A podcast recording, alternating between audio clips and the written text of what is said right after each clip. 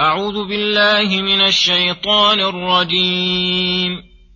بسم الله الرحمن الرحيم. حميم. تنزيل الكتاب من الله العزيز العليم. غافر الذنب وقابل التوب شديد العقاب ذي الطول. لا إله إلا هو اليه المصير. ما يجادل في آيات الله إلا الذين كفروا فلا يغررك تقلبهم في البلاد.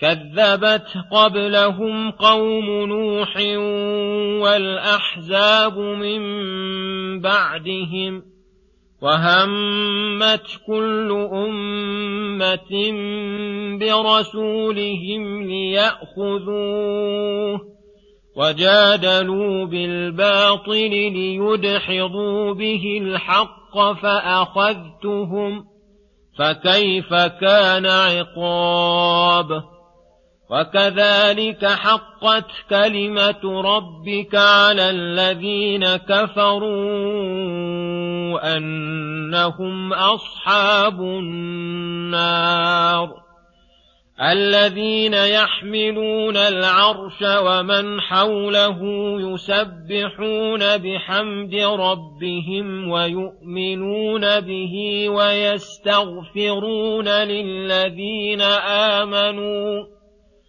ربنا وسعت كل شيء رحمه وعلما فاغفر للذين تابوا واتبعوا سبيلك وقهم عذاب الجحيم.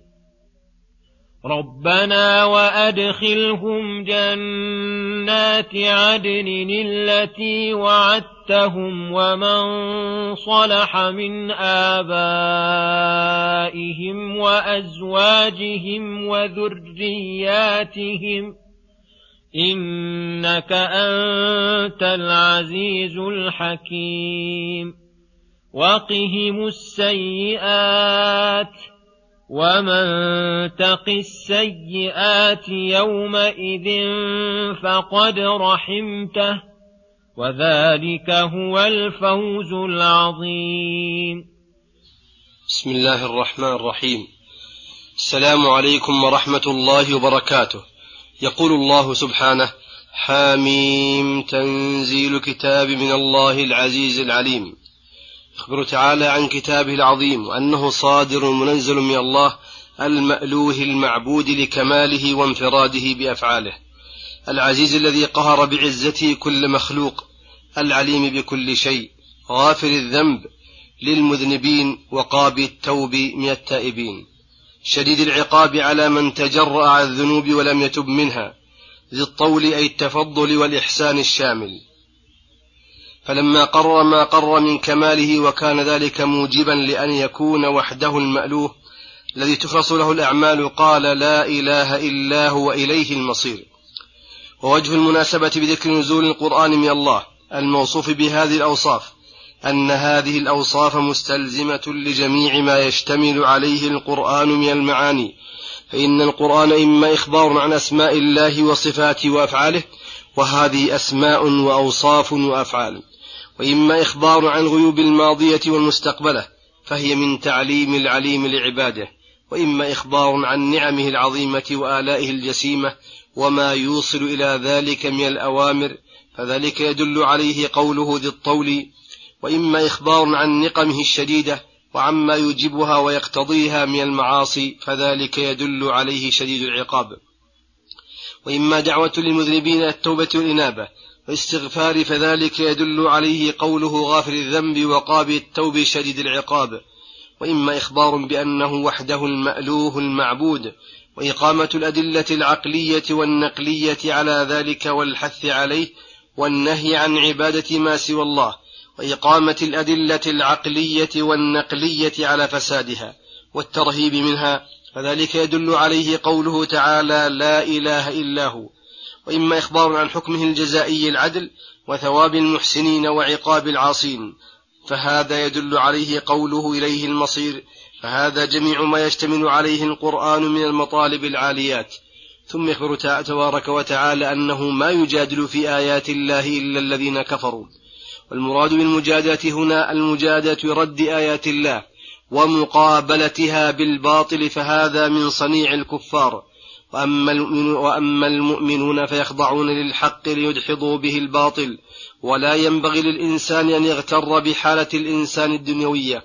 ويظن أن إعطاء الله إياه في الدنيا دليل على محبته له وأنه على الحق. ولهذا قال فلا يغرك تقلبهم في البلاد أي ترددهم فيها بأنواع التجارات والمكاسب بل الواجب على العبد أن يعتبر الناس بالحق وينظر إلى الحقائق الشرعية ويزن بها الناس ولا يزن الحق بالناس كما, كما عليه من لا علم ولا عقل له.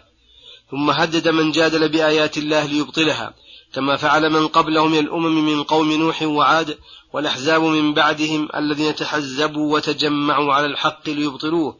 وعلى الباطل لينصروه وأنه بلغت بهم الحال وآل بهم التحزب إلى أنه همت كل أمة من الأمم برسولهم ليأخذوه أي يقتلوه.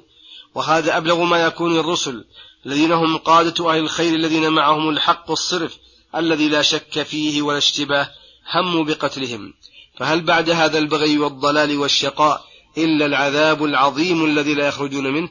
ولهذا قال في عقوبتهم الدنيوية والأخروية فأخذتهم أي بسبب تكذيبهم وتحزبهم فكيف كان عقاب؟ كان أشد العقاب وأفظعه إن هو إلا صيحة أو حاصب ينزل عليهم أو يأمر الأرض أن تأخذهم أو البحر أن يغرقهم فإذا هم خامدون.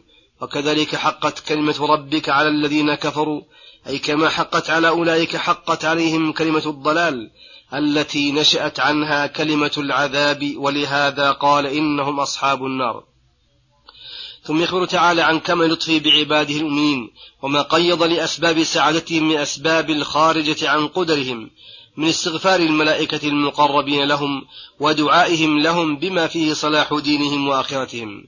وفي ضمن ذلك الإخبار عن شرف حملة العرش ومن حوله وقربهم من ربهم وكثرة عبادتهم ونصحهم لعباد الله لعلمهم أن الله يحب ذلك منهم فقال الذين يحملون العرش أي عرش الرحمن الذي هو سقف المخلوقات وأعظمها وأوسعها وأحسنها وأقربها من الله تعالى الذي وسع الأرض والسماوات والكرسي.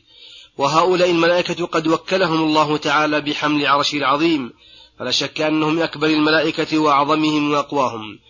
واختيار الله إياهم لحمل عرشه وتقديمهم في الذكر وقربهم منه يدل على أنهم أفضل أجناس الملائكة عليهم السلام. قال تعالى ويحمل عرش ربك فوقهم يومئذ ثمانية. ومن حوله من الملائكة المقربين في المنزلة والفضيلة يسبحون بحمد ربهم. هذا مدح لهم بكثرة عبادتهم لله تعالى وخصوصا التسبيح والتحميد. وسائر العبادات تدخل في تسبيح الله وتحميده لأنها تنزيه له عن كون العبد يصرفها لغيره. وحمد له تعالى بل الحمد هو العبادة لله تعالى. وأما قول العبد سبحان الله وبحمده فهو داخل في ذلك وهو من جملة العبادات ويؤمنون به ويستغفرون للذين آمنوا وهذا من جملة فوائد الإيمان وفضائله الكثيرة جدا أن الملائكة الذين يؤمنون بالله ولا ذنوب عليهم يستغفرون لأهل الإيمان فالمؤمن بإيمانه تسبب لهذا الفضل العظيم.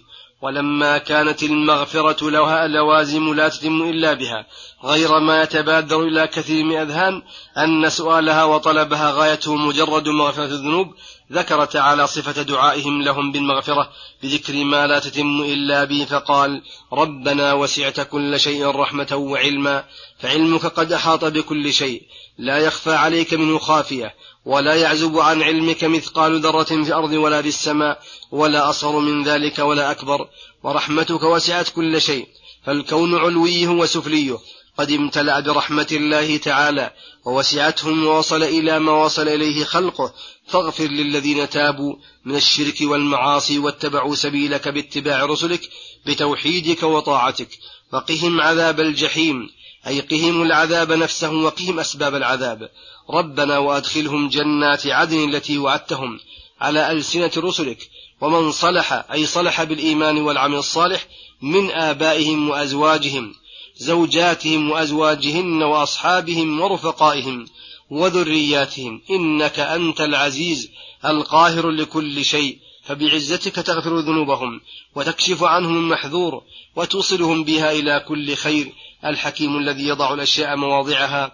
فلا نسألك يا ربنا أمرا تقتضي حكمتك خلافه بل من حكمتك التي أخبرت بها على ألسنة رسلك واقتضاها فضلك المغفرة للمؤمنين وقهم السيئات أي جنبهم الأعمال السيئة وجزاءها لأنها تسوء صاحبها ومن تق السيئات يومئذ أي يوم القيامة فقد رحمته لأن رحمتك لم تزل مستمرة على العباد لا يمنعها إلا ذنوب العباد وسيئاتهم فمن وقيته السيئات فقد وفقته للحسنات وجزاءها الحسن وذلك أي زوال المحذور أي زوال المحذور بوقاية السيئات وحصول المحبوب بحصول الرحمة هو الفوز العظيم الذي لا فوز مثله ولا تنافس المتنافسون بأحسن منه.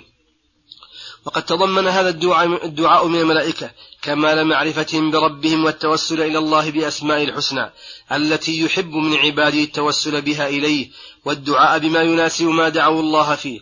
فلما كان دعاؤهم بحصول الرحمة وإزالة أثر ما اقتضته النفوس البشرية التي علم الله نقصها واقتضاءها لما اقتضته من المعاصي ونحو ذلك من المبادئ والأسباب التي قد أحاط الله بها علما.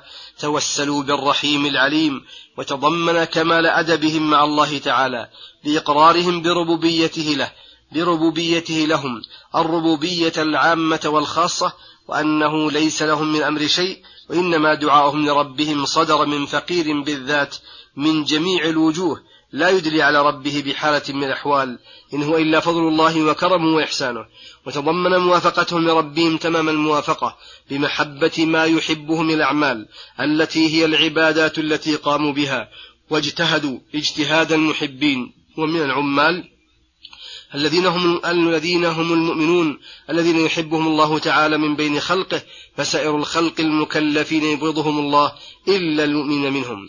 فمن محبة الملائكة لهم دعوا الله واجتهدوا في صلاح أحوالهم لأن الدعاء للشخص من أدل الدلائل على محبته لأنه لا يدعو إلا لمن يحبه.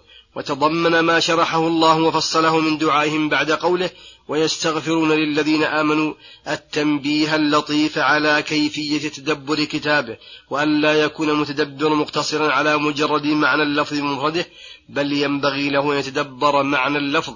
فإذا فهمه فهما صحيحا على وجهه نظر بعقله إلى ذلك الأمر والطرق الموصلة إليه وما لا يتم إلا به وما يتوقف عليه. وجزم بأن الله أراده كما يجزم أنه أراد المعنى الخاص الدال عليه اللفظ والذي يوجب الجزم له لأن الله أراده أمران أحدهما معرفته وجزمه بأنه من توابع المعنى والمتوقف عليه والثاني علمه بأن الله بكل شيء عليم وأن الله أمر عباده بالتدبر والتفكر في كتابه. وقد, وقد علم تعالى ما يلزم من تلك المعاني وهو المخبر بأن كتابه هدى ونور وتبيان لكل شيء وأنه أفصح الكلام وأجله إيضاحا. فبذلك يحصل للعبد من العلم العظيم والخير الكثير بحسب ما وفقه الله له. وقد كان في تفسيرنا هذا كثير من هذا من به الله علينا. وقد يخفى في بعض الآيات ما أخذه على غير متأمل صحيح الفكرة ونسأله تعالى أن يفتح علينا من خزائن رحمته ما يكون سببا لصلاح أحوالنا وأحوال المسلمين.